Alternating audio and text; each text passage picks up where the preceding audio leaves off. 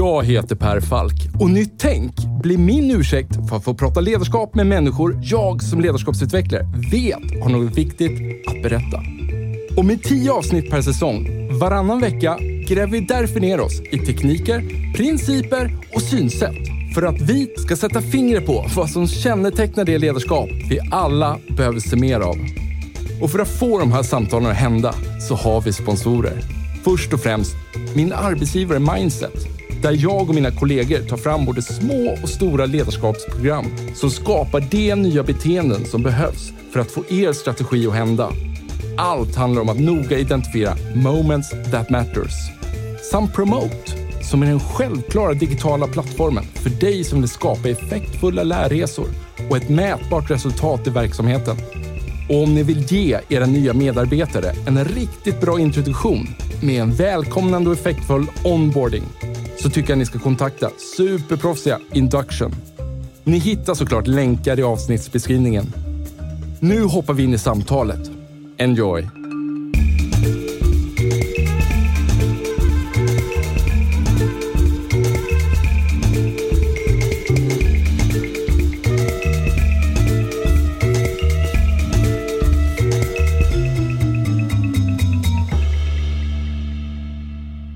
Vilken tror du är världens största organisation? Oj, ingen aning.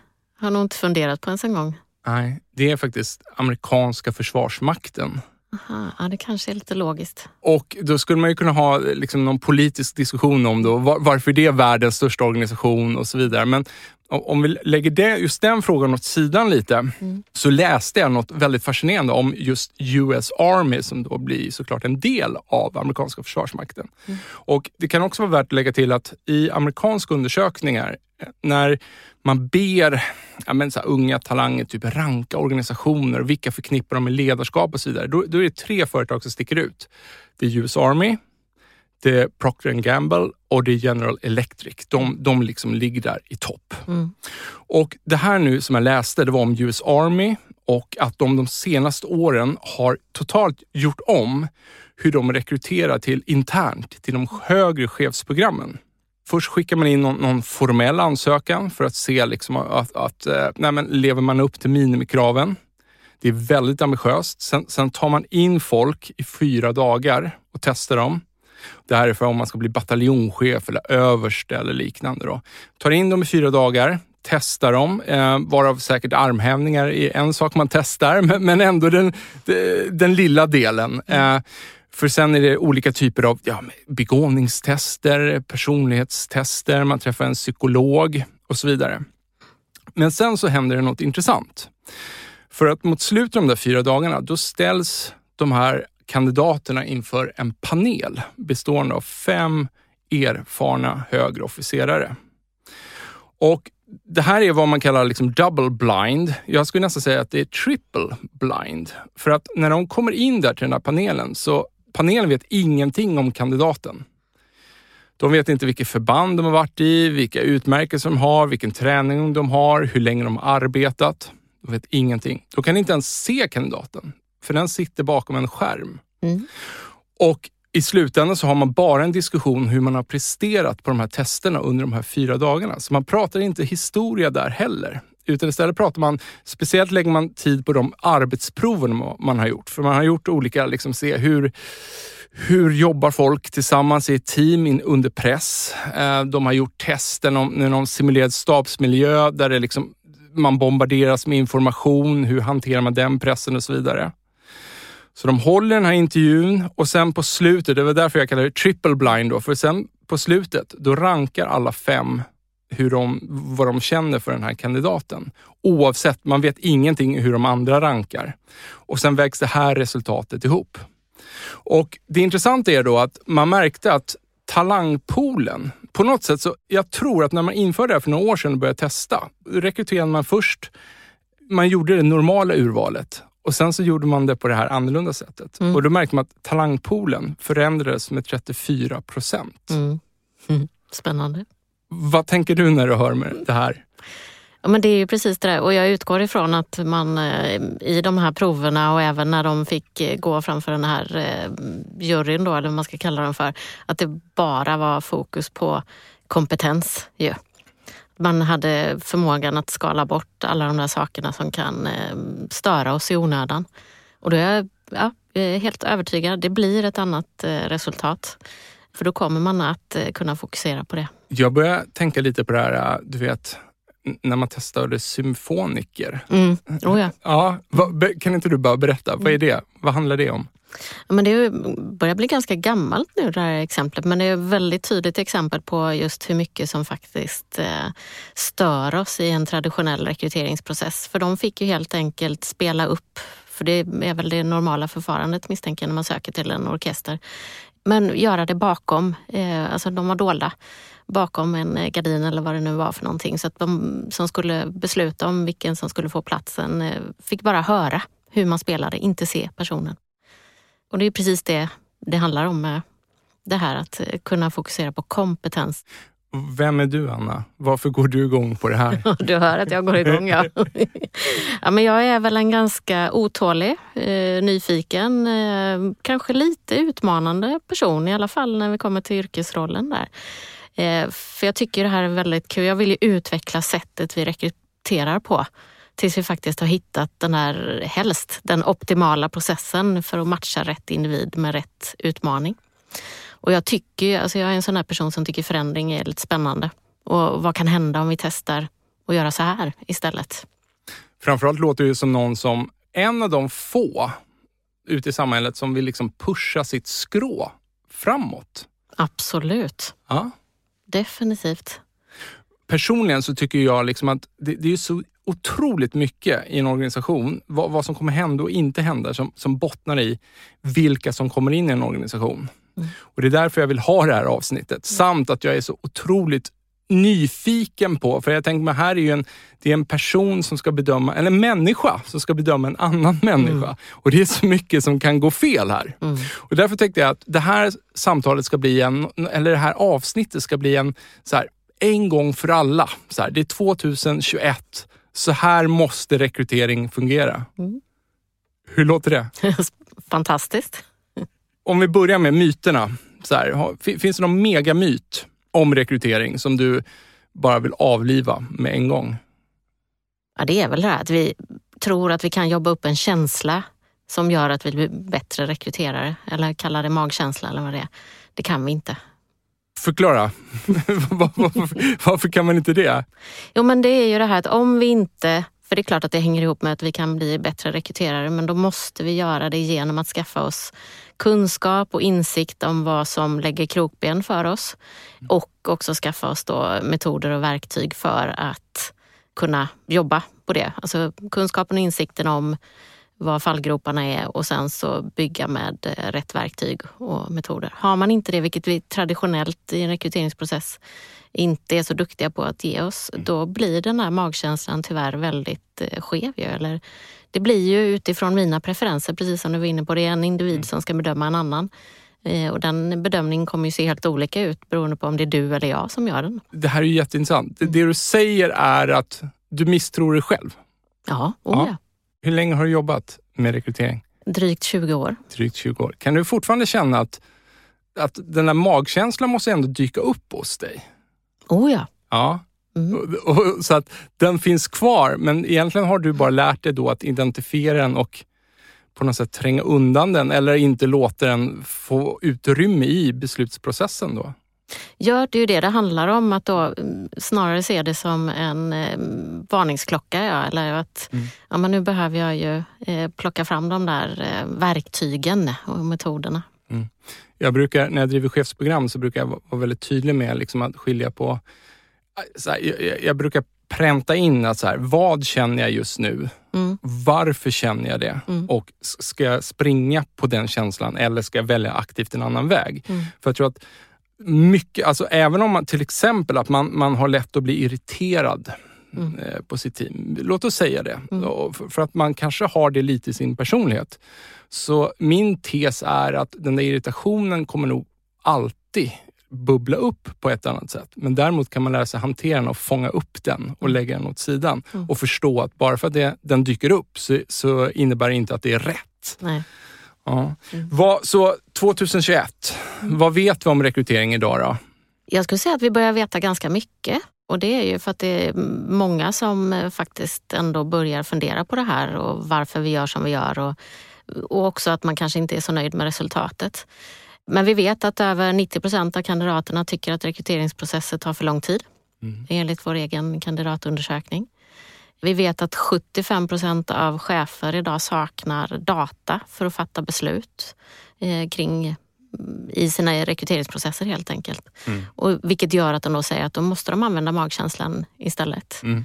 Och enligt LinkedIn så har två av tre rekryterare fortfarande inte de verktyg de behöver för att förstå kandidaterna och, och objektivt kunna jämföra dem med varandra. Och det, då är vi inne på data igen där. Och vi vet också att kandidater har väldigt många kontakter med ett företag idag. Hela 91 kontaktpunkter som ett snitt i en rekryteringsprocess. Där finns ju mängder av möjligheter att eh, påverka dem men också att eh, vara försiktig med hur man eh, faktiskt hanterar kandidater under en rekryteringsprocess. Mm. Vad de upplever. Du, du sa något så här, man är inte så nöjd med resultatet. Mm. Det indikerar ju någonstans då att, att du, du, känner att organisationerna själv, själva känner att vi rekryterar inte optimalt. Det har ju blivit så tydligt att vi vill eh, oftast eh, skapa en större mångfald idag, för där vet vi att eh, eh, våra organisationer blir så mycket bättre oavsett om det är lönsamhet eller produktivitet eller kreativitet eller så som vi är ute efter. Mm. Och det gör ju att vi lyckas inte uppnå det med sättet vi rekryterar idag. Så så sätt kan man säga, det, och det är ganska många eh, som upplever att vi lyckas ju inte på det sättet uppnå den. Vi inledde med att prata om US Army där. Jag kan mm. ju bara flika in, jag läste en annan undersökning som visade att all, här, en stor del av toppgeneralerna mm. hade samma ansiktssymmetri runt hakan. Mm. Vad säger det för dig?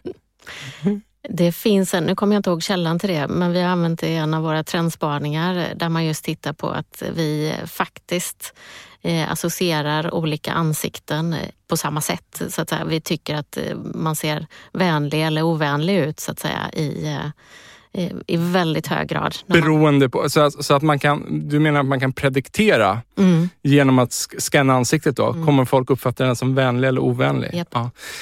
Det är lite obehagligt ja. sånt här. Mm. Och det visar också hur flera grejer sitter så djupt inkodade i oss. Mm. Och det får mig alltid att tänka så här, vad av mina tankemönster fattar inte jag att det här egentligen kanske sitter i mina gener. Jag tror att det är någon fri tanke, fri vilja jag tänker just nu. Mm. Men kanske är jag liksom helt programmerad. Mm. Ja. Vad är de vanligaste, liksom, eh, jag tänkte vi skulle liksom prata igenom en hypotetisk process här. Då. Mm. Men, men, kan du säga något mer kring, vad är de vanligaste fallgroparna här? Vi har ju varit inne lite grann på det. Jo, men det finns, eh, det finns ju många såklart och det är ju de där subjektiva delarna i processen som är de största. Eh, just man sitter och ska göra ett urval till exempel. Mm. Där börjar ju det första. Vi har klassiska eh, ansökningsprocesser med ett CV och personligt brev och sådär. Mm. Där finns ju väldigt stora fallgropar såklart, att man går på sin egen känsla eller vad jag har varit med om tidigare eller sådär. Eller vad jag kan förstå. Absolut. Mm. Oh ja och vad jag läser in i, eh, eller den här klassiska, vad jag läser mellan raderna som kanske inte alls stämmer att, eller att jag tror att jag kan utläsa hur en person är mm. genom att läsa ett CV, vad man har gjort till exempel. Intervjun såklart. Mm. Det är det här samspelet eh, personer emellan. Det är ju nästan den största delen. Så vad är fördomsfri rekrytering? Ja, men enkelt sagt så kan man säga att det är att rensa bort de där distraktionerna som kan påverka oss eh, när vi faktiskt ska göra en bedömning på kompetens. Och får vi inte bort dem så kommer det att påverka, då blir det inte fördomsfritt. Så, att så att det, det handlar om att eh, skala bort dem helt enkelt. Mm. Och innan vi går in då en hypotetisk process här. Vi har nämnt ordet kompetens flera gånger. Mm. Finns det något missförstånd kring begreppet? Ja, mycket. Ja, ja bra att du ja, ja, det. Jag anade det. Intint. ja. ja, kör. Eh, men, och det finns eh, ganska många definitioner i ord, men egentligen säger de ju samma sak. Och där är så bra att göra en eh, ordentlig kompetensmodell eh, så att man är överens i en organisation vad vi menar. Men kompetens består egentligen av fyra delar. Det handlar ju om vår kunskap, erfarenhet. Mm. Det är det vi är mest vana vid att eh, titta på och ha koll på. Det beror de personliga egenskaperna, hur vi föredrar att bete oss, så att säga. Mm. Vår begåvning. Mm. Och sen är det motivationen. Mm. Vad är det som driver mig? Mm. Tänker jag så här, annat begrepp, talang. Mm. Används mm. Eh, liksom från och till. Liksom. Ja. Gillar du det ordet ens? Det känns, ser ut som du rynkar lite eh, på ögonen. Eh, nej, men jag tycker att det är svårt idag. Alltså det används ju väldigt eh, på så många olika sätt och jag tror att även där behöver man en tydlig definition, som med det mesta. Ja. Att vi vet att vi pratar samma språk och är överens om vad vi menar. Ja, för jag tänker att det där är ju typ ett sånt ord där man genast får upp en bild så här, vad är talang för mig? Ja. Men, men eh, exakt, det är ju mm. för mig, mm. ur min extremt smala vinkel. Mm. Om vi skulle liksom inspirera en lyssnare hur man skulle kunna jobba då. då mm. eh, så här, hur skulle du lägga upp en process? Mm. Först och främst om man börjar i där vi alltid ska börja ju med vad är, vad är det vi behöver? Det här som oftast kallas för kravprofil. Jag tycker att det är bättre att kalla det för kompetensanalys. För det är just det, har vi satt det där begreppet kompetens och vet vad vi menar med det, så är det ju det. Vi ska analysera vad det är vi behöver för kompetens för just den här rollen. Och där är det ju att skala bort. Vi är ganska duktiga på att eh, lägga in lite för mycket mm. och då avgränsar vi ju för mycket. Man vill liksom safea allt och ja, ha allt. Ja, mm. och sen är vi också ganska eh, luddiga ofta. Mm. Ett av mina favoritexempel är ju det här med att slänga oss med man ska ha fem till sju års erfarenhet. Men vi har inte definierat vad det där betyder mm. egentligen. För det är ju två personer som har lika lång erfarenhet kan ju besitta väldigt olika kunskaper. Och det är ju egentligen kunskapen vi är ute efter. Så där är konkretisera, bryt ner det, eh, bli tydligare med exakt vad är det man behöver kunna. Mm. För då öppnar vi också upp för alternativa bakgrunder. Vad skulle du kunna ställa för frågor till kunder? För jag kan tänka mig att många skulle kunna gå i låsning och inte mm. veta att Ja, vad säger jag nu här till Anna? Alltså, ja, alltså, personen ska ju vara erfaren. Mm. Räcker inte det? Mm. Liksom? Ja, mm. vad, vad, kan du ställa för förlösande frågor här? Ja, men det är ju just det, vad är det man ska göra såklart? Alltså, vad är arbetsuppgifterna? Vad behöver man kunna av det innan? Vad behöver man ändå lära sig här till exempel? Eller sådär, beroende på. Då. Så det är ju att styra på de sakerna. Ja. När vi har öppnat upp så och fått alltså väldigt mycket tydligare krav så är det ju också väldigt mycket enklare att eh, nå ut och när vi ska formulera våran eh, platsannons som det väl oftast är. Men även om man jobbar med att söka upp kandidater så är det ju lättare när vi har en tydlig kravprofil mm. helt enkelt. Men där är ju också, om vi pratar eh, formulera annonser så är det ju att eh, även där vara tydliga och konkreta eh, och att hålla oss till det vi har sagt att vi behöver. För det gör ju också att det blir väldigt mycket enklare för en kandidat att veta är det här ett intressant jobb för mig eller inte? Mm. Vad ställer de för krav eh, och hur matchar jag det? Mm. Mm. Där finns ju massa intressanta studier. Huruvida man spelar på vissa ord mm. gör att man får ett helt annat uh, urval av sökande och så vidare. Kan du säga någonting där? Vad, finns det några dos and don'ts? Ja, men absolut finns det. Och där finns, precis som du är inne på, jättemycket kunskap idag att ta till sig. Och det finns även programvaror som kan hjälpa en att liksom koda eller läsa ehm, just det där om vi ah, signalerar. Smart! Mm. Ja. finns väl tyvärr inga svenska verktyg nu vad jag har hört. Men jobbar man med engelska platsannonser till exempel så kan du ehm, gå in och se, är det så att vi använder uttryck som attraherar det ena eller andra könet mer till ja. exempel. Mm -hmm. Det är ju återigen, att tänk, såklart, där tror jag att de flesta är med idag, alltså könsneutrala titlar. Mm. Men också i, när, framförallt när man beskriver personliga egenskaper, vilka som krävs. Mm. Att vi gärna slänger oss med lite floskler där fortfarande. Mm. Man ska vara eh, lagspelare till exempel. Mm. Eh, det vet vi att det attraherar mer män än kvinnor. Mm. Och vad man oftast är ute efter är ju snarare att man ska kunna samarbeta bra. Eller mm. team, att vi använder eh, rätt ord där för att inte utesluta Hur uppfattar kvinnor den frasen, tror du? Uppenbarligen så är man inte så attraherad. Man ser sig inte som lagspelare. Varför vågar jag inte svara på. Men, ja, men jag tänker på att jag är ju inte kvinna, så mm. att jag ska liksom vara väldigt försiktig. Jag tänker mig att det handlar om någonting att, att ordet signalerar att man förväntas på något sätt passa in i, i kollektivet på något sätt. Eller, jag vet inte. Mm. Nej, den slutsatsen vågar inte jag heller nej. dra riktigt. Nej, nej. nej, nej, nej. vi lämnar det. Mm. Ja, och, um... Men det finns väldigt mycket kunskap kring och eh, fakta man kan eh, ta till sig där just om ord och, och, hur man associerar olika som är väldigt användbara när man sitter och jobbar med sina platsannonser. Mm. En allmän fråga, liksom, hur, eh, vad, vad är din magkänsla kring Börjar annonsen, liksom, kommer den alltid behövas eller börjar den spela ut sin, ut sin roll? Alltså, jag bara tänker, det beror ju helt och hållet på vilken tjänst det är man söker kanske. E, eller är det alltid bra att ha en annons? Eller märker man i vissa case att här kommer vi behöva leta upp en person? Den behöver alltid finnas. För att? Annars så blir ju begränsningen eh, de jag tänker på att eh, kontakta, så att mm. säga. Så vill man jobba fördomsfritt så eh, ska man ju alltid se till att ha något publikt för att faktiskt få in de här kandidaterna eller kanaler som inte jag redan tänker på. Mm. Annars har vi begränsat oss redan där. Mm. Nästa steg då? Nu har vi fått ut en, en annons. Mm. Vi har kollat den med någon programvara, så vi vet nu att så här, nej, men nu har vi en text som, eh, som funkar. Men, men jag måste bara, jag tänker medan jag pratar. Finns det någon risk att det blir så slätstruket då, då texten att, att vi bara öppnar upp för alla mm. och blir överösta med ansökningar så vi, vi kan inte ens liksom hantera det? Eh, tvärtom, vi blir ju krispigare och tydligare om vi faktiskt använder rätt ut. Vi frågar efter just den här specifika kunskapen. Vi frågar efter de här specifika personliga egenskaperna. Mm. Så det är snarare så att vi blir väldigt mycket tydligare mm än när vi använder för mycket floskler och fem till sju års erfarenhet eller vad det är. Så rätt hanterat då, så smalare och spetsigare mot de som verkligen då man behöver ja. och inom den sektorns inkluderande språk som mm. det bara går. Då, mm. helt enkelt. Mm. Okej, okay. så nu har vi fått ut den här annonsen och du har börjat leta kanske också. Mm. Så vad händer nu?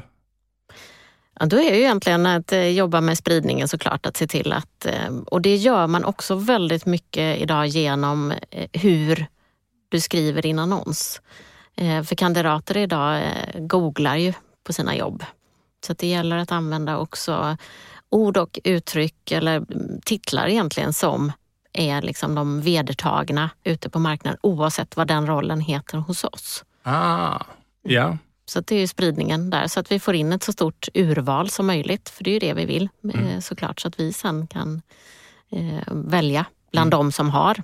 När du säger att kandidaten googlar, mm. menar du googlar upp sitt jobb? Ja. Ja, Okej, okay. så att om man är intresserad av någon specifik typ av roll, mm. då googlar man? Yep. Ja, det är så man gör alltså? Mm. Mm. Man går inte in i diverse olika eh, jobbsajter och väljer i långa listor med eh, ord, utan man söker jag vill jobba som eh, säljare i Stockholm. Ja, och men, men nu då? Vi har fått spridning och, och så här, nu börjar det liksom dyka upp grejer här. Ja. Mm. Ja, men då är vi ju vid det här första stora hindret, om man får kalla det så. Mm. Att eh, välja ut. För förhoppningsvis har vi fått väldigt många kandidater. Mm. Och då är det ju att göra eh, urvalet. Och där ska vi ju helst såklart ha sett till att vi har byggt vår eh, rekryteringsprocess så att vi inte påverkas av de där sakerna som utseende som vi var inne på tidigare eller eh, ålder såklart eller de personliga breven där vi kan få all möjlig information. Eh, utan att ha så bra förutsättningar som möjligt att faktiskt fokusera på de som har rätt kompetens. Då. Ett väldigt bra sätt är att använda screeningtester. Låta kandidater göra personlighet och begåvningstester tidigt så att vi har lite mer fakta om kandidaten helt ja. enkelt. Men det måste ske någon, låter man alla göra det som ansöker? Eller man gör någon första gallring eller hur? Helst inte. Nej, jag, jag, så här, och här inser jag liksom, jag, jag förstår ju att helst inte. Mm. Ehm, så här. Och jag menar, I det här inledande exemplet jag pratade med, där, där var det ju verkligen så här, man bara kollar vilka lever upp till minimikraven. Man vill Ja. ha in så många som möjligt eh, Mm. innan man börjar liksom testa dem. Mm. Samtidigt är det ju en kostnad här också. Ja. Ja. Och där får man ju alltid tänka och bygga, alltså vilken metod eh, ger bäst effekt i urval till eh, lägst kostnad såklart. Mm. När man bygger sin rekryteringsprocess. Vad har vi störst nytta av eh, just det här? Screeningtester är ju ett väldigt bra till exempel att få. För då vad man gör är ju att låta kandidater göra både personlighetstest och begåvningstest helst. Sam, samtidigt. Ja, Ja. och att man sen tittar på då tillsamm eller gör sitt första urval Mm. på eh, kandidatens eh, Men, men, kunskap. men potentiellt då, nu så här, jag är ju lite jobbig här. Ja, liksom. Men då tänker jag så här, potentiellt då så kan det ju vara rätt många då Mm. man ska gå igenom. Och då börjar jag tänka så här, så ja men begåvningstestet, där kan jag ju se framför mig att så här, ja, men vi, vi vill bara att man har minst den här, eller man ska ha över den här nivån. Mm. Den är ju rätt enkel. Men när det handlar om att bedöma en personlighet, här börjar det bli lite liksom knivigare. Mm. Pratar du med dina kunder om vad de vill ha för personlighet? Eller vad, hur tänker man här? För Mm. här... Ja, det är det som är, kommer ihåg från kompetensbegreppet, så är personliga egenskaper en. Och när man gör kompetensanalysen då så handlar det om att identifiera vilka personliga egenskaper krävs för att jag ska göra det här jobbet på bästa sätt. Mm. Och då pratar vi om ett fåtal. Mm. Det kanske är en fyra, fem egenskaper. Vad skulle det kunna vara? Ta, om du tar två hypotetiska roller Mm. som är lite Mm. olika. Liksom. Vad skulle det kunna vara då om man söker? Nej, men det, till exempel kan det ju vara en eh, ekonom, något man ska vara ganska noggrann, strukturerad. Sådär. Ja, men då är ju det med i eh, kompetensanalysen såklart. Mm. Och det är ju det man eh, eh, jobbar med. Och att identifiera i screeningtesterna. Eh, Så det beror ju på. Det finns jättemycket bra eh, testverktyg och ramverk för att då jobba så att man har vetenskapliga så att säga, personliga egenskaper man väljer ut så att man vet att det är det man eh, behöver. Mm. Istället för att bara sitta och göra urval på ett CV och ett personligt brev Mm. så har du helt plötsligt då, du har CV fortfarande för att bedöma kunskapen. Mm. Eh, om, det är det som, om det är någon kunskap man behöver. Mm. Och sen så har du de här testresultaten. Då. Och sen eh, förordar ju jag att eh, jobba med att be att få in en eh, motivationstext istället för det här personliga brevet. Alltså- Ah. Varför är man intresserad av det här jobbet och vad har man tänkt sig att tillföra? Mm. Då har du väldigt mycket material helt plötsligt. Väldigt mycket material och här börjar, börjar det bli radikalt annorlunda mot hur mycket rekrytering kanske går till. Mm. Så att du vill inte egentligen ha något personligt brev då vid, vid det första ansökningsförfarandet? Nej. Helt rätt. För att? Därför att de oftast är, dels innehåller de eh, väldigt mycket information som vi inte har någon nytta av. Mm. Eh, där brukar ju ofta komma det här med privata delar och sådana saker som eh, riskerar att färga mig. Mm. Mina förutfattade meningar kan spela in eh, både medvetet och omedvetet såklart. Plus att de är väldigt sällan eh, formade ju för just det här jobbet som jag har ute nu utan det är ju standardbrev man har jobbat upp under några år kanske eller Mm. Mm. dammat av. Så att det, det är, jag tycker definitivt att de har spelat ut sin roll. Intressant. Mm. Hur vanligt är det? Jag tycker att vi börjar se det mer och mer nu. Att det försvinner? Att det försvinner, ja. Ja. Äntligen. Mm. Eh, Det är flera år sedan som vi slutade ta emot och bytte till motivationstext. Då var det mm, ganska stort, eh, ja, både hos oss själva eh, tog det emot lite grann för vi var ju väldigt vana vid att få den där. Man vill ju så gärna som individ skaffa sig en bild av den här personen. Hur låter en instruktion till motivationstext? Är det motivationen för det här jobbet eller vad, eller vad är dina drivkrafter på ett jobb generellt? Eller liksom, vad är det man vill fånga där? Just i motivationstexten när, man, när kandidaten söker så är det just det, alltså varför är du intresserad av det här jobbet och kanske med tillägg också vad, vad har du tänkt att du vill bidra med eller liksom så. Det är ju den. När låter du en kund börja se urvalen? När exponeras i den här kedjan som vi har pratat om just Mm. nu, Mm. Fram tills nu, när exponeras en kund inför eventuella kandidater? Det görs ju inte än på tag för att då är det ju vi som rekryterare som intervjuar kandidaterna också och gör kompletterande bedömningen på dem innan eh, de går vidare till en extern kund. Ja. Och då har ni redan gjort intervjun baserat på det här eh, motivationsbrevet. Var det det du kallade det för? Motivationstext Mo- motivationstext. Ja, ja. Ja, inte bara. Det är ju, intervjun eh, belyser ju många delar av det. Dels kanske man behöver bottna i vilken kunskap, eh, om det är någonting som behöver klargöras där. Men väldigt mycket också handlar ju om de personliga egenskaperna kring. Och det är ju en kompetensbaserad eh, metodik eh, jobbar ju väldigt, väldigt många av med idag och det är en stor del av att bedöma personliga egenskaper, få lite mer kött på benen kring de där. Ja, men hur exemplifiera hur man brukar göra eh, helt enkelt, eller bete sig som kandidat. Och motivationsdelen. Mm. Sen ska vi inte glömma att idag är ju också en stor del av intervjuandet handlar ju om att sälja in rollen och arbetsgivaren till kandidaten på väldigt många områden där. Men en stor, det jag skulle vilja verkligen lyfta kring intervjuer är ju också det här att eh, för att inte gå, för det är ju det andra stora hindret förutom urvalet som jag sa, så är det ju intervjun. Att vi inte eh, nyttjar det tillfället. Alltså där är ju otroligt viktigt att ha en tydlig agenda och upplägg för intervjuerna så att vi faktiskt tar reda på det vi behöver och vill ta reda på. Mm. Och också att vi gör Så alla intervjuer ska se likadana ut? i samma process, ja. Mm. Oh ja. Sen måste det ju beroende på vad det är för roll så behöver de ju se olika ut.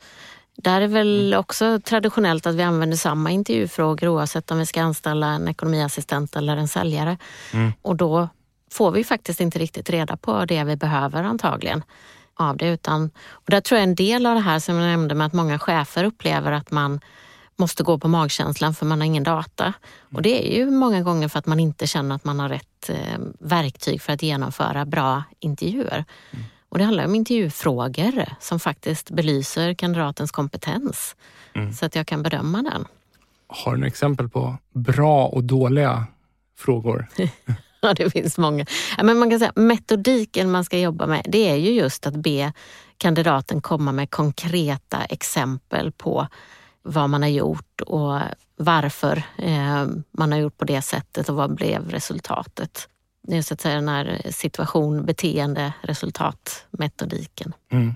Det är först då vi eh, kan bedöma om, ja, i relation till den rollen vi har, om kandidaten har det beteendet som vi är ute efter. Vad ska man inte fråga? Privata frågor. Ja. Så, så, vad skulle det kunna vara som fortfarande finns kvar? Jag tror att det är väldigt vanligt att man blir, ja men hur, hur ser resten av ditt liv ut? Eller berätta någonting om din fritid eller sådär. Mm.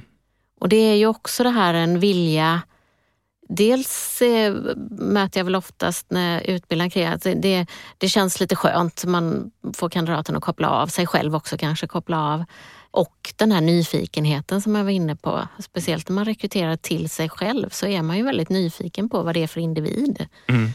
Men de typen av frågor hör inte hemma i en eh, intervju. De, vi får lära känna personen i efterhand. Så får, hur får du då eh, kandidaten att slappna av? Om, Ja. om du inte kan spela ut det kortet. Ja. Genom att vara väldigt tydlig i början av intervjun, att tala om hur intervjun kommer att gå till. Ja. Precis som vi är väldigt duktiga idag på, vi har ju inga andra möten där vi inte har en tydlig agenda och går igenom och alla vet vad som ska Nej. hända. Nej. Men det gör vi gärna i en intervju. ja, men exakt. Och en, Mm. Jag ser framför mig att en agenda kan ändå... Då vet jag vad som kommer hända här. Ja.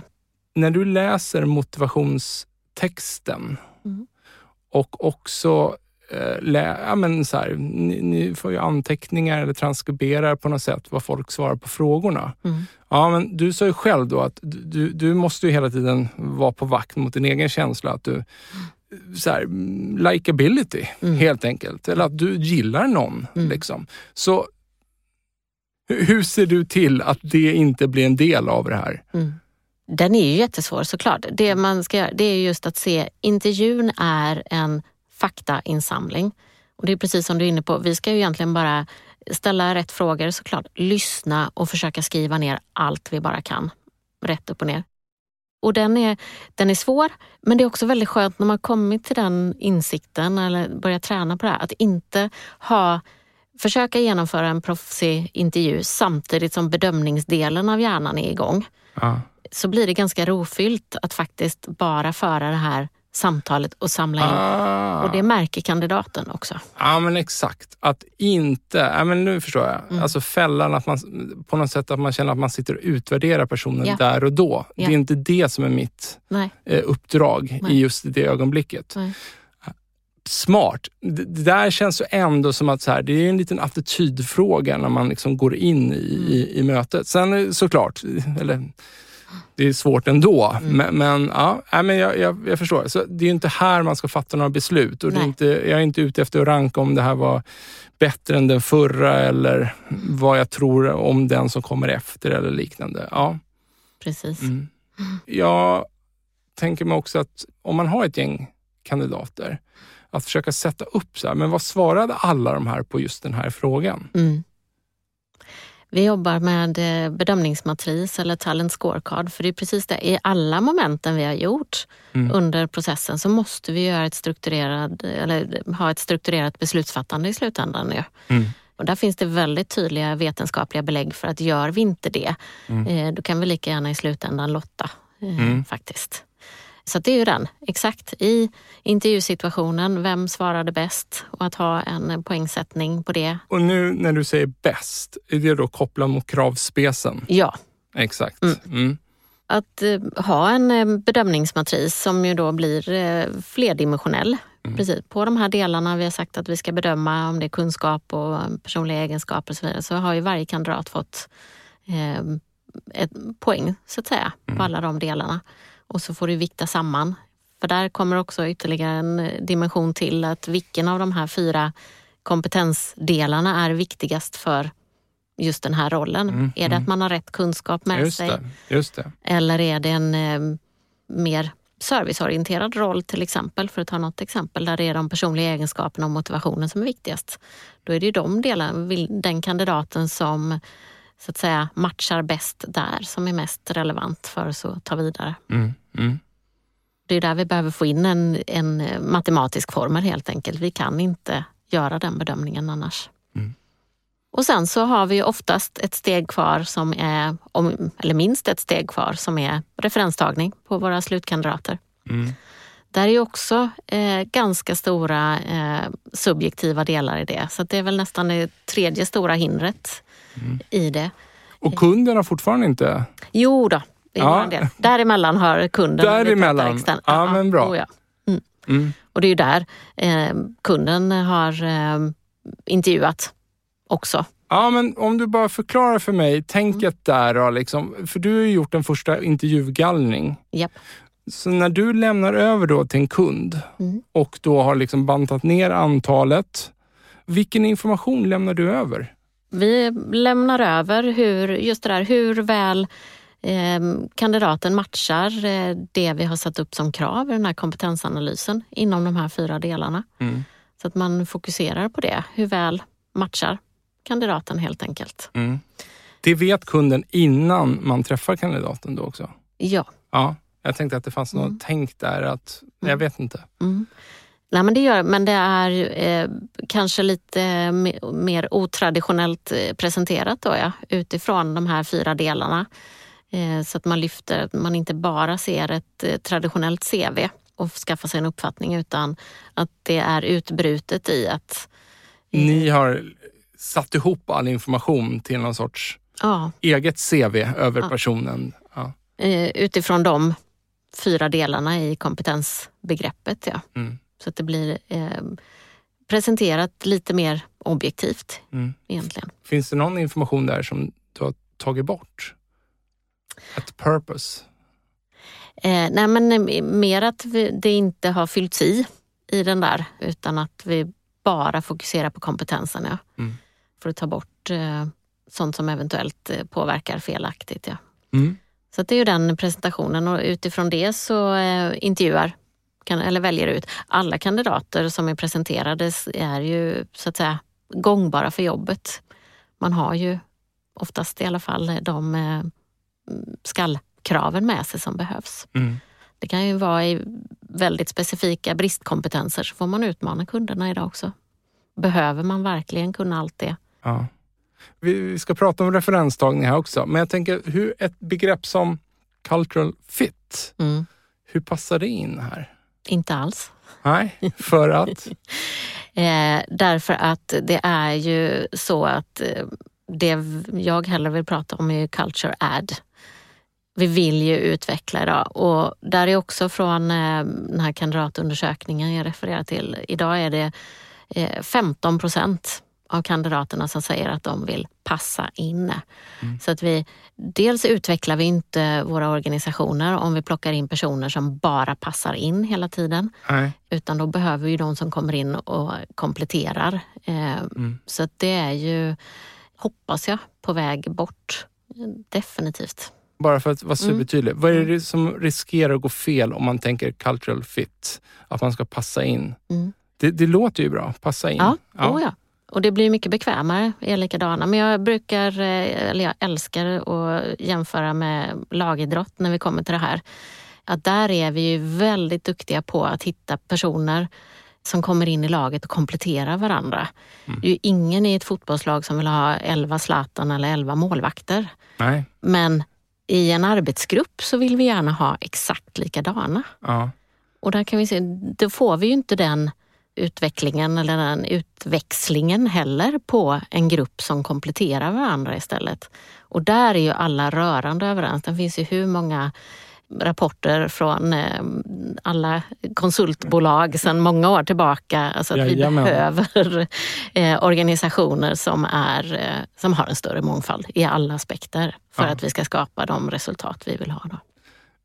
Om det är en omogen organisation Mm, och man, man inser någonstans att så här, men vi måste jobba mer så här. mm, Och nu har det kommit så långt att man presenterar några slutkandidater. I slutändan så är det ju, liksom, jag säger kunden hela tiden eftersom du är ju precis som jag, du är ju Mm. konsult. Liksom. Och, men i slutändan är det ju kunden som fattar beslutet, Japp. vem som ska anställas. Du har ju en metodik, du har din erfarenhet, du är medveten om allt som kan gå fel i vårt, liksom, det mänskliga tänkandet här. Mm. Du säger själv att du fortfarande kämpar med liksom, impulser inom dig och så vidare. Men om, jag menar, vad kan det vara? Hur många kandidater har man på slutet? Tre, Ja, fyra? Ja, Ja. Kan du se någon dragning ändå då? Att, så här, att man går mot den som passar in? Ja, men det är väl klart, för det är ju högst mänskligt. Så det där måste ju vi ju jobba vidare med att, eh, och självklart i varje organisation som har bestämt sig för att vi vill skapa en större mångfald, Mm. då behöver man ju medvetandegöra de delarna eh, så att man eh, liksom, Redan innan, preppa för det här. Liksom. Ja, och hela sitt mångfalds och inkluderingsarbete så är det klart att man behöver jobba med det. Och det är ju jättemycket medvetandegörande. Ja. För att jag tänker att om man då kommer in i en organisation som är rätt likriktad, men organisationen, toppen på organisationen ser att så här, det, här, det här är inte bra. Vi, vi kommer fälla krokben för oss själva om vi fortsätter så här. Mm.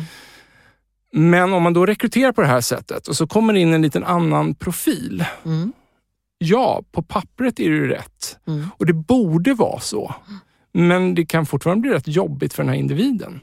Oh ja, och det ser vi. Mm. du säger, det ser vi. liksom. Ja, ja. Jag, som du märker, Anna, jag gillar att liksom dra ner resonemangen i botten. Japp. För, för, liksom, jag vill ju att rekryteringen ska gå till så här och det är så här jag skulle göra själv också. Mm. Men, men jag liksom också ser med de organisationer man träffar och Mm. hmm, hur skulle det här fungera? Liksom. Eh, Och det är kanske vissa branscher jag tänker mer på än andra. Mm. För att jag kan också tänka mig att en omogen chef skulle nog kunna reagera att oj, så här, om, om jag nu får in en helt annan profil, skulle han eller hon, då, en omogen chef, kunna tänka att men jag måste ju leda den här personen på ett helt annorlunda sätt. Om man nu kommer in att man har en likriktad grupp. Mm. Och ursäkta, men tacka fan för att man kanske måste göra det då, om det är en annorlunda profil. Japp. Men det är nog väldigt lätt att den här chefen uppfattar det som att, och därför är det fel. Mm. Men där är glädjande, alltså vi är ju inte framme såklart, men mm. eh, det händer väldigt mycket och en av, eh, vi gör en trendspaning varje år. En av trenderna just i år var precis det här med eh, att vi ser att det kommer faktiskt inkluderande ledare eller bias interrupters den typen av ledarstil eh, uppmärksammas. Och, Gör mig glad. Ja, mig med. Därför jag har hela den här podden kan ja. jag trycka på också. Ja. Och, och just också att där ha identifierat vad är det som utmärker de ledarna. Vad är det för eh, personliga egenskaper de behöver besitta. Så det är klart att det, är, det går inte bara att, rekrytera in eh, enstaka individer som bryter normen och så tror att man har löst det. Utan det är ett mycket större eh, arbete såklart. Mm. Du sa ju förut så här, ja vi ser det. Eller liksom, mm. ja alltså att, att en person med en ny typ av profil som kommer in på en likriktad arbetsplats kan få det rätt tufft. På mm. vilket sätt ser du det? Eller?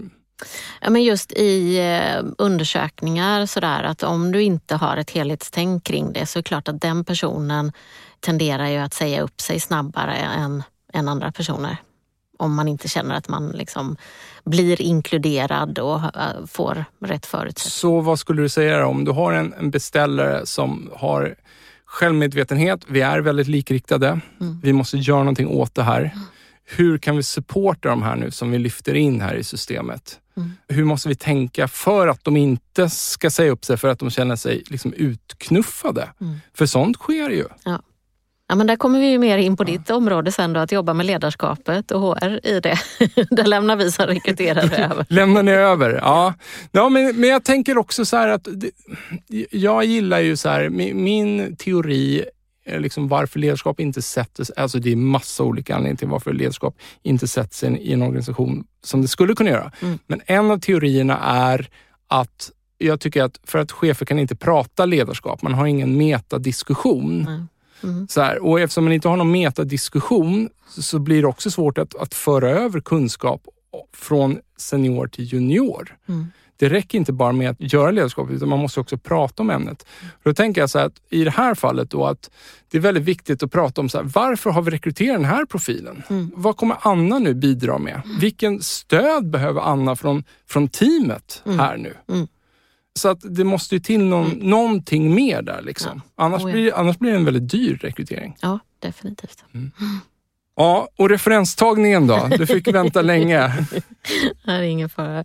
Ja, men eh, där, där, det är ju som jag sa, det tredje eh, stora hindret egentligen, just för att det är så mycket subjektivitet i det också. Om vi inte gör det strukturerat, precis som eh, vi pratat om att strukturera upp vår intervju. Tydlig agenda, vad är det för frågor, vad är, vad är syftet med det? Så måste vi göra det med referenstagning också. Och det är också en faktainsamling.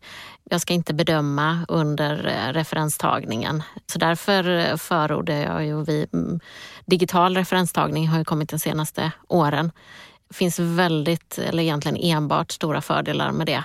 Just för att eh, jag som rekryterare eller anställande chef får ju hela svaret nerskrivet.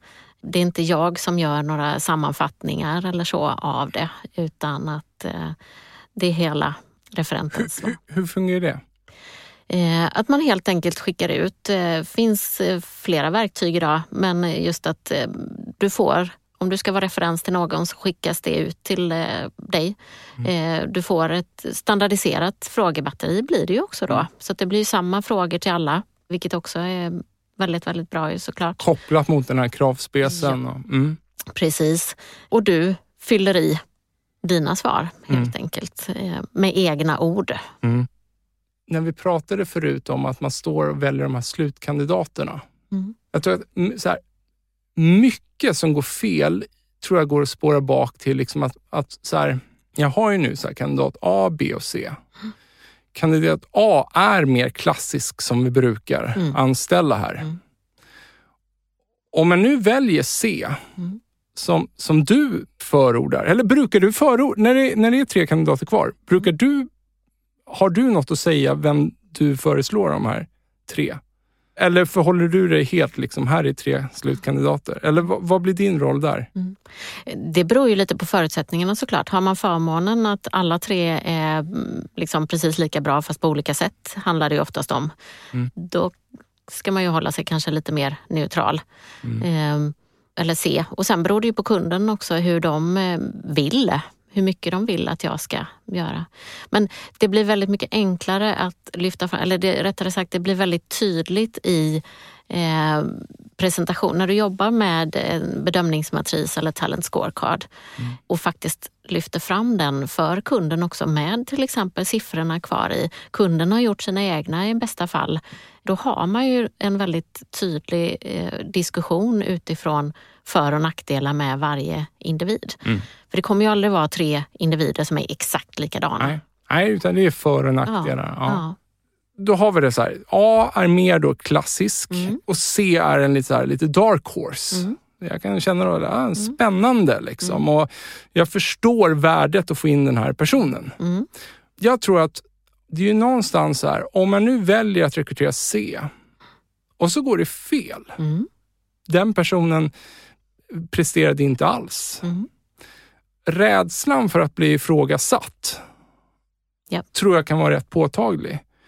Och att det finns då risk för att man går på A.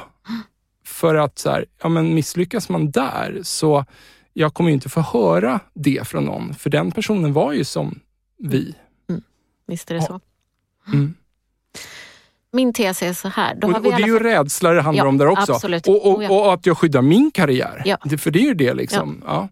Men då, känner, då har vi i alla fall tagit ett steg med den här personen genom att vi i alla fall haft med kandidat C den här gången. Mm. Men det blev inte den. Alltså, vi ska utgå ifrån att alla tre är ju kompetenta och uppfyller kravprofilen. Mm. Liksom. Det är ju inte det. Men just det att våga välja den där som kanske, precis som du är inne på, sticker ut lite mer än vad vi brukar göra. Mm. Men i de andra rekryteringsprocesserna man har haft innan, som den här chefen, då kanske man bara haft tre kandidater A. Nu har vi i alla fall kommit ett steg längre den här gången. Att när man överväger kandidat C, nästa gång det är dags, mm. så förhoppningsvis så vågar man chansa på C mm. då. Alltså det här är en, man måste se det som en långsiktig beteendeförändring. Och förhoppningsvis, om, om jag då sitter med, jag är din kund mm. så kanske min chef eh, är involverad i det här valet också då, mm. liksom, för att mm. skapa någon sorts förankring här. Liksom. Mm. mm. Ja, du, en annan grej då, så här, vart kommer AI in i allt det här? Det är otroligt fascinerande.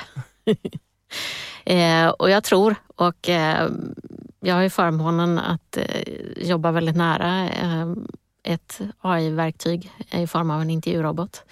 Jag är helt övertygad om att självklart ska vi använda eh, en del av eh, den nya tekniken till att eh, hjälpa oss i rekryteringsprocesserna. Mm. Eftersom vi, det här som jag var inne på, till exempel intervjun är ju egentligen en faktainsamling. Mm. Och att göra objektiva bedömningar på data. Ja. Och sådär. När du säger att du har jobbat bredvid en förmånen att jobbat bredvid en intervjurobot, mm. eller med en intervjurobot. Så kommer du inte undan så, så enkelt. Du måste nog utveckla det lite mer. Det är en intervjurobot som eh, intervjuar och gör en bedömning av eh, generell arbetsprestation. Eh, den är skapad, eller mjukvaran är egentligen skapad för att genomföra intervjuer och bedöma helt enkelt på ett väldigt objektivt sätt. För den påverkas ju inte av hur du ser ut eller exakt hur du låter eller om du tittar mig i ögonen eller sådär. Är det en fysisk robot eller är det en programvara med en syntetisk röst? Det är en eh, fysisk robot i grunden. Men det finns också en videolösning eh, just för att kunna genomföra intervjuer. Det är samma fysiska robot men den genomför videointervju då med dig. Så då står en kamera framför roboten? Helt ja. ja. Mm. Finns det någon risk att den som är intervjuad känner att det här känns lite awkward på något sätt? Ja, men där har vi också, eh, de allra flesta upplever inte det. Första lilla stunden, ja. Men vi frågar ju och nu har vi ju varit igång i ett par år eh, från liksom första utvecklingsstadiet. Alla kandidater får svara på det och de, merparten, nu har jag inte den eh, senaste siffran, men en bra bit över 70 procent eh, säger att det är en eh, trevlig och behaglig och positiv upplevelse. Fantastiskt. Mm. Vad blir värdet här? Den påverkas ju inte överhuvudtaget av hur du ser ut eller eh, hur du låter eller om du tittar mig i ögonen eller sådana saker som vi påverkas av i en Nej. intervjusituation. Ja. Och som jag förvarnade dig lite här i början på intervjun, att mm. när jag koncentrerar mig på vad du säger, då sitter jag och tittar ner i bordet här, mm. vilket mm. vi inte ser, men det gör jag. Mm. Det skulle kanske kunna... Jag är väldigt mycket för generellt att så här, också när man pratar ledarskap, att man tar upp sina avigheter. Mm. Det bästa sättet är att dra ner från bordet genom att bara säga att så, sån här är jag. Det mm. betyder ingenting. Liksom. Mm. Okej, okay, men är det AI som behandlar svaren då också? Då? För jag antar att här är ett antal frågor då som den här ställer. Ja. Som är inmatade på något sätt. Liksom. Ja. ja. vad händer med svaren som kommer? De bedöms av eh, roboten också. Alltså det här är ju skapat framutvecklat utifrån... Eh, nu blir det riktigt intressant. Ja, ja. Utifrån eh, all vedertagen forskning kring eh, just det här. Hur bedömer vi generell arbetsprestation? Så att den gör också bedömningen så att det kommer ut ett resultat på hur okay. väl man matchar det. Då är min omedelbara fråga mm. att jag utgår då från att hade jag varit er så hade jag tagit den här roboten och kopplat på den i redan genomförda processer mm. som du just har pratat om. Mm. För att se, kommer den fram till samma resultat? Mm. Ja, jag måste ju ställa den frågan. det är ju så man lär upp. Eh, eh, ja. ja. Och vad händer då? Ja, men det är ju under utvecklingsarbetet så har man jämfört på många olika sätt såklart. Så att vi, den är validerad med en vetenskaplig studie. Så att den, den bedömer och har en väldigt hög validitet på eh, i sina svar. Där. Sen gör den en del av den personliga intervjun. Ja. Det här låter ju liksom mindblowing. Mm, det är det. Det är världsunikt. Vad är den framtagen för? En första gallning? Första linjens gallning? Eller vad? Ja men det är den jättebra för. Eh, om man in, alltså, till exempel om man har väldigt mycket ansökningar såklart. Ja. Att kunna göra en första. För det är ju också ett, det här vi var inne på, ett ganska billigt sätt så att säga. För den kan ju intervjua ganska mycket mer än vad vi orkar med. Eh, till exempel. Verkligen, då löser vi ju det problemet ja. som vi pratade om eh, mm. initialt där. Mm. Mm. Hur långt i processen har ni låtit den jobba? Ja, men den gör ju, så att säga, den är ju eh, låt, begränsad, är väl nästan fel, men den är ju väldigt tydligt definierad på vad den eh, mäter eller vad den intervjuar kring och vad den bedömer kring. Ja. Det är ju den delen den kan göra och ska göra. Ja. Så när låter ni den ta över helt då? då? För om du säger att den är validerad, ja. what's the catch? Då är det ju lika bra att börja få den att jobba fullt ut. Då, då. Absolut, och den delen av eh, en anställningsintervju ska den ju definitivt göra. Det är egentligen mer en eh, kapacitetsfråga eh, att ha tillräckligt många robotar som kan intervjua såklart. Ja. Sen finns det ju många andra delar i intervjun som den inte kan göra i dagsläget. Som till exempel? Det här var inne på motivation. Att ta reda på kandidatens motivation till exempel är mm. den ju inte eh, byggd för. Inte än, kanske Nej. lägga till. ja, ligger väl inte i planen heller just nu. Men, mm. men om jag ställer så här då. Mm. Nu ställer jag sådana frågor som jag hade ställt mig om jag då hade jobbat hos er mm. och har det här fantastiska verktyget. Mm. Har den liksom på något sätt kommit fram till andra lösningar än vad ni förespråkade? Men att ni märker att roboten, heter den någonting? Tengai. Den heter Tengai som ja. företaget. Då, ja. Liksom. Ja. Mm. Mr och Mrs Tengai, mm. får vi kalla för. Okej, okay. den har inte kommit fram till några andra lösningar än vad ni mänskligt skulle komma fram till. Det jag är ja. ute efter är, liksom, har den då övertrumfat er? När ni, mm. För ni måste ha gjort massor av tester på mm. olika sätt och låtit två olika system jobba parallellt med varandra. Mm. Dels, precis som US Army där i början, mm, att mm. först gör vi det på ett sätt och sen gör vi det på ett annat sätt. kommer vi fram till samma grejer. Ehm, det behöver man ju såklart eh, titta på. Men man kan väl säga så här, vi vet ju att eftersom eh, roboten är eh, skapad och utvecklad så på ett sätt så kommer den göra exakt samma bedömning varje gång. Det vet vi ju utan att ha liksom testat det i praktiken att det kommer inte vi människor att göra. För den går igång då på ett antal ord snarare Ja, det gör den. Alltså, ja. Den är ju byggd utifrån arbetsvetenskaplig mm, liksom, forskning och bedömning. Mm. Så mm. där har vetenskapen med. Den sitter ju inte vi på. Nej. Så att vi kommer ju inte, där behöver man ju inte ens testa det. Utan Nej. det vet vi ju att vi inte kommer att kunna göra en korrekt bedömning av varje individ för vi påverkas av saker som inte är relevanta. Ja någonstans kan jag för sig se det, att de tycker att det är behagligt. För att en observation jag har gjort nu, mm. när vi har gjort mycket ledarskapsvirtuellt, mm. ledarskapsprogram virtuellt, mm.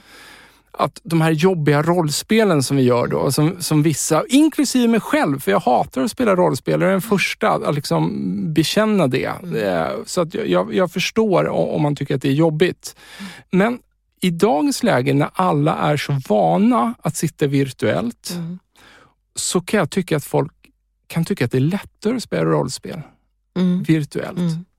Det här är bara en maggruppskänsla jag får. För det är ju så här, det intuitiva skulle ju vara att det skulle kännas ännu skavigare att mm. rollspela via en dator. Men nästan tvärtom. Mm. Folk upplever någon litet skydd att sitta på andra sidan datorn och kan under rollspelet ta ut svängarna lite mer. Mm. Man känner inte att man blir bedömd. Nej. när man träffar roboten? Och, eller gör den? Mm. Det, var det, det var så jag kopplade till det här. Då. Kan det uppstå någon lättare grej? Du sa ju själv att man kan faktiskt sitta och titta ner i bordet och verkligen så här, tänka efter. Hur brukar jag bete mig i sådana här situationer? Mm. Eller liknande. Mm. Jag söker inte efter några mimikrörelser i ditt ansikte. Tycker Anna om vad jag säger nu eller inte? Utan Precis. jag kan bara koncentrera mig på mig själv. Så att jag verkligen, verkligen gillar idén. Mm jag blir otroligt nyfiken. Och om det är så att man känner att det här måste vi bli bättre på, om man vill ha tag på dig för att få lite hjälp på vägen. Mm. Vart hör man av sig då? Mm. Då är det antingen hos eh, mig på TNG eller via LinkedIn såklart också. Tack för att du avsatte tid. Tack själv. Hörni, tack till våra sponsorer Mindset, Promote samt Induction för att ni tror på den här produktionen.